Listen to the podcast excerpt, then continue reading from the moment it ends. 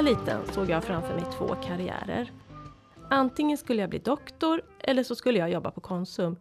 Gärna i kassan som tanten med det där vackra lila håret. Jag bodde i Katrineholm då i början av 60-talet och min enda referens till sjukvård och läkare var doktor Sänk på Kullbergska sjukhuset. Det var han som tog hand om mig när jag fick någon av mina återkommande öroninflammationer. Han var så snäll, doktor Sänk. Att sjukhuset hette Kullbergska visste jag nog inte på den tiden. Däremot visste jag att det fanns något som hette Akademiska. Det var ett stort, fint sjukhus dit bara min fem år äldre bror fick åka. Han föddes med en missbildning i munnen och åkte därför till Akademiska på kontroll då och då under hela vår uppväxt. Pappa tog ledigt från jobbet och de två åkte tillsammans. Jag fick aldrig följa med. Men jag förstod att det var jättefint. Det fanns kafeteria och man fick fika och äta bakelse. Jag kan ha blandat ihop det lite för jag hade en tydlig bild av att sjukhuset var rött, låg på en kulle och liknade ett slott. Jag tror att det var kombinationen Dr. Senk och bilden av Akademiska sjukhuset som till sist var det som fick vågskålen att tippa från konsumtant till doktor. Nu i efterhand har jag förstått att min brorsa inte alls var helt ärlig om hur det egentligen var vid de där besöken. Och att sjukhuset inte är ett slott högt uppe på ett berg.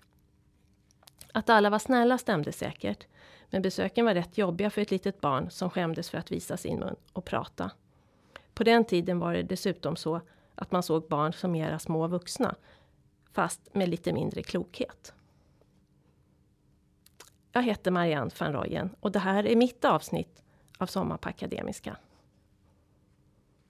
Ungefär 45 år efter barndomens framtidsfunderingar letade jag mig förvirrat genom sjukhusområdet och ut med inre sjukhusvägen till min allra första arbetsdag på Akademiska. Som divisionschef på kvinno och barndivisionen. Jag minns att en nybliven pappa med bebisen i en bilbarstol var det som fick mig att till sist hitta ingången till huset. Ingång 95-96. Med andan i halsen ungefär 10 minuter senare än planerat kom jag till kvinno och barndivisionens administrationskorridor. Det var december 2013 och nu har jag varit här i sju och ett halvt år. Fantastiska år. Det har hänt så mycket. Jag har lärt mig mycket om sjukvården, om livet, ja faktiskt om mig själv också. Jag har träffat fantastiska medarbetare och chefer och en stor stolthet för det här sjukhuset och allt som vi gör här har växt fram. Jag har verkligen tagit det här sjukhuset till mitt hjärta. Det akademiska sjukhuset, där forskning, utbildning och sjukvård är tätt sammanflätade. Jag älskar att röra mig i kulvertarna och korridorerna i ett pandemifritt sjukhus.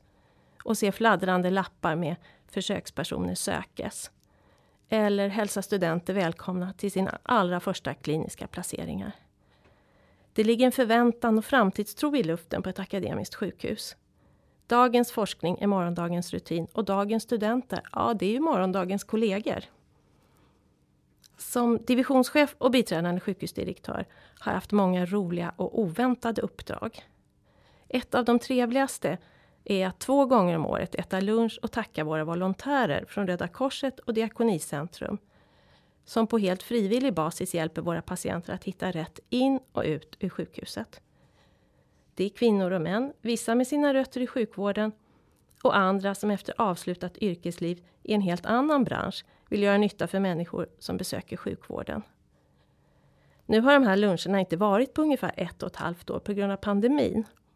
Men det slår mig plötsligt att en av de volontärer jag satt bredvid vid en midsommarlunch för något år sedan ville prata om vår beredskap för kris. Han hade varit med i en tid när civilförsvaret var starkare och vi hade säng, läkemedel och materiallager i hemliga rum i många städer. Säkert här i Uppsala också. Där vid lunchen ville han höra hur vi på sjukhuset skulle klara en kris. Jag tror att han tänkte på krig eller fientliga handlingar från främmande makt. Men mycket av det han pratade om har sedan aktualiserats. Först drabbades vi av en materialkris där ett stort underjordiskt lager av diverse engångsartiklar skulle varit bra att ha. Nu saknade vi plötsligt bland annat provrör, skyddshandskar och toalettpapper och fick faktiskt ställa in en del planerad vård för att spara på det vi hade. Knappt ute ur materialkrisen kom nästa kris, pandemin. Ja, den kommer säkert någon annan att prata om i sin podd. Men jag vill bara säga att min civilförsvars och hemvärnsälskande vän Han var helt rätt ute i sina misstankar om att vi är sårbara. Trots vår sårbarhet har vi löst de situationer som vi har hamnat i. Och vi har på ett mirakulöst sätt kommit varandra närmare trots att vi fått nya arbetskamrater och jobbat annorlunda. I många fall med mycket skyddsutrustning mellan oss och vår omgivning. Ett annat oväntat uppdrag som jag fick tidigt i akademiska karriären var att bli projektägare för vår nya sjukhusbyggnad, ingång 100-101. Lennart Persson som var sjukhusdirektör när jag började på Akademiska och jag hade träffats lite grann när han jobbade med Nya Karolinska och jag var verksamhetschef för kvinnokliniken på Gamla Karolinska. Jag hade varit med och planerat hur förlossningsrummen i NKS skulle se ut. Ja, ungefär tio år innan de togs i bruk. Och det var i det sammanhanget vi sågs först, Lennart och jag. När jag nu var på plats på Akademiska så kom han ihåg det och hade en känsla av att jag kunde det där med lokaler och byggnader. Och eftersom ingen verksamhet från kvinno och barndivisionen, där jag var chef, var planerad att flytta in i det nya huset, så passade det bra att jag blev projektägare för inflytten. Ansvaret ovanför mig för det som kallades, och fortfarande kallas FAS, Framtidens Akademiska Sjukhus, hade Hans-Olof Hellström. Han är en av alla viktiga medarbetare på Akademiska och har varit ett stort stöd för mig i mitt jobb som biträdande sjukhusdirektör och tillförordnad sjukhusdirektör. Med patienterna och sjukhusets bästa i fokus planerar och argumenterar han med och mot våra samarbetspartners i regionen. Alltid redo att stå upp för våra behov. Han har hela sjukhusets lokal i sitt huvud och kämpar med det pussel som det är att få in oss alla i det som är Akademiskas yttre skal. Våra lokaler på själva sjukhusområdet och lokaler utanför det. Akademiskas inre, våran själ, det är ju vi som jobbar här. Och det har inget med byggnaden att göra. Jag minns ett av de allra första mötena i rollen som projektledare för ingång 100-101. Det var jag och min projektledare Helene Wallstedt, som nu är verksamhetschef på hjärt-lungmedicin och klinisk fysiologi. Vi träffade en dam som visste precis allt om hur man flyttar in i ett nytt hus. Ingång 100-101 var vid det tillfället bara en stor grop i marken utanför barnsjukhusets fönster. Och där satt Helen och jag och fick höra hur viktigt det var att vi planerade i vilken hiss vilka sängar skulle transporteras den där dagen slutenvården skulle flytta in. För annars skulle det bli kaos. Nu i efterhand så ler vi åt det, men just då kändes det helt sjukt och nästan övermäktigt. Hur skulle vi två kunna rodda att få in all verksamhet i de nya lokalerna om bara hisstransporten var sådär besvärlig? Under några år, ja ett år längre än från början tänkt, så levde och lärde jag ingång 100-101. Från början var det frågor om upphandling av instrument och maskiner och rena byggfrågor. Det var klart från början att strålningsverksamheten skulle flytta in i det nya huset, liksom cancervården. Men vi brottades ett tag med vad som skulle vara där mer. Och till sist landade det i att delar specialmedicin skulle flytta in. Hela deras slutenvård och delar av öppenvården. När det beslutet var fattat jobbade jag mycket med ändringar i byggplaner och beslut om möbler och lättare utrustning. Eftersom man från allra första början planerat att det skulle vara en dagkirurgisk enhet på operationsavdelningen i byggnaden och sen tidigt ändrade till att det skulle vara slutenvårdsoperationsavdelning för högspecialiserade ingrepp så har det inneburit många ändringar i planerna. Väggar har tagits ner och satts upp och vägguttag har flyttats i all oändlighet. Som tur var fick Helena och jag förstärkning av ytterligare en projektledare på heltid, Elvira. Annars hade vi nog inte klarat av det där med våra andra jobb vid sidan av. Helen som avdelningschef och jag som biträdande sjukhusdirektör. Alla chefer på berörda verksamhetsområden och många medarbetare har lagt ner hundratals timmar på att planera hur lokalerna ska användas, hur man ska jobba i nya lokaler och inte minst hur man flyttar en vårdavdelning under pågående verksamhet. Där kom den där hissplaneringen in. Säkert fem år efter det där första mötet. När vi trodde att allt var klart för inflytt upptäcktes bakterier i vattnet. Legionella. Och jag fick nya kunskaper. Det handlade om hur rör ska placeras för att minska bakterieväxt. Hur många bakterier det får vara i en bakteriefilm för att vattnet ska vara tjänligt. Och vad betyder förresten att vattnet är tjänligt? Hur ska man spola i kranar i tomma lokaler och mycket mer.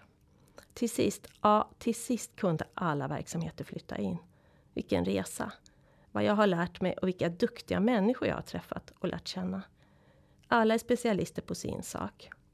Arkitekter och byggare, konstinköpare, kommunikatörer, professorer, undersköterskor, sjuksköterskor, läkare, vårdhygieniker, chefer. Ja, alla specialister och alla har behövts i det där projektet. Att bygga och flytta in i ett nytt hus. Med några av er som nämnts så har jag haft intensiva argumentationer och lösningsfokuserade diskussioner. Ibland ganska tröttande faktiskt, men alltid givande. Och till sist blev det ju så bra. Jag vet att det är lite trångt i ingång 100-101, precis som på andra ställen på Akademiska. Men jag njuter verkligen när jag rör mig i lokalerna där. Det är så luftigt och modernt. Patientrummen är ljusa och rymliga och vårdavdelningarna är anpassade för den personcentrerade vård vi vill erbjuda. I det nya huset finns också Blandinator. Vår helt ultramoderna cytostatika beredningsrobot.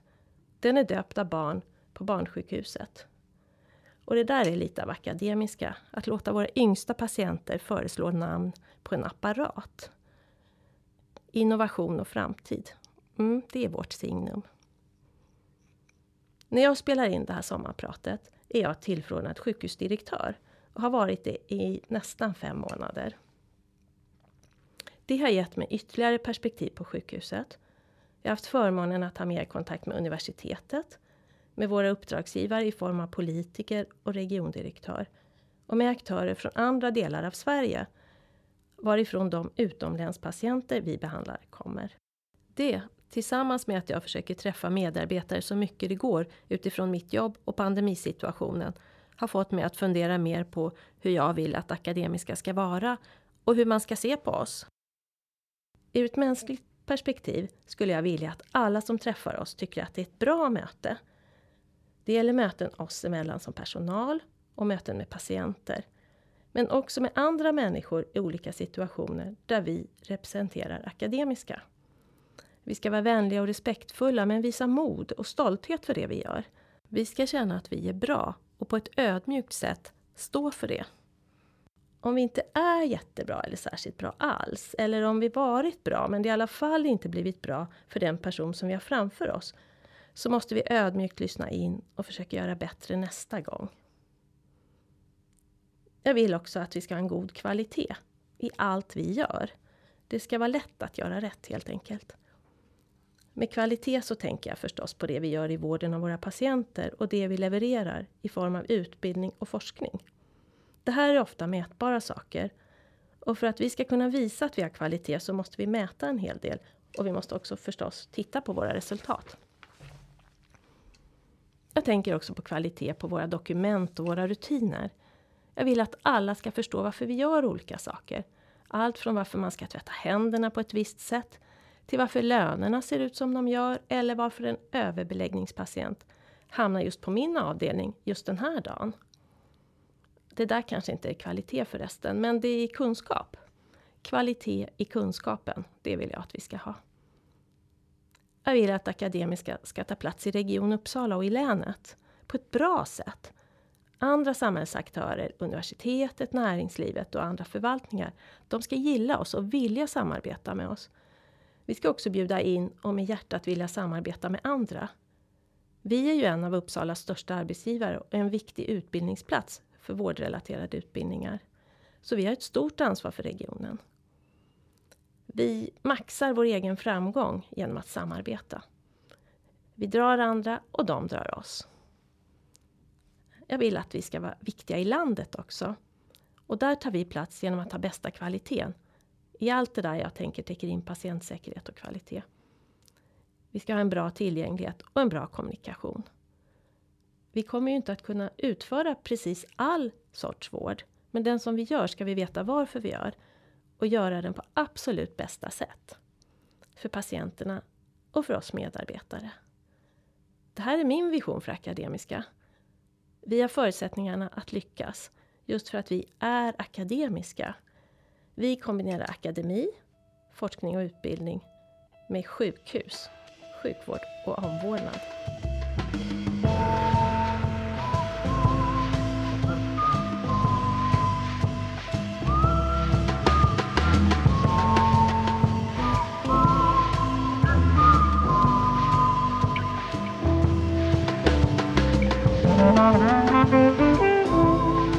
Mm-hmm.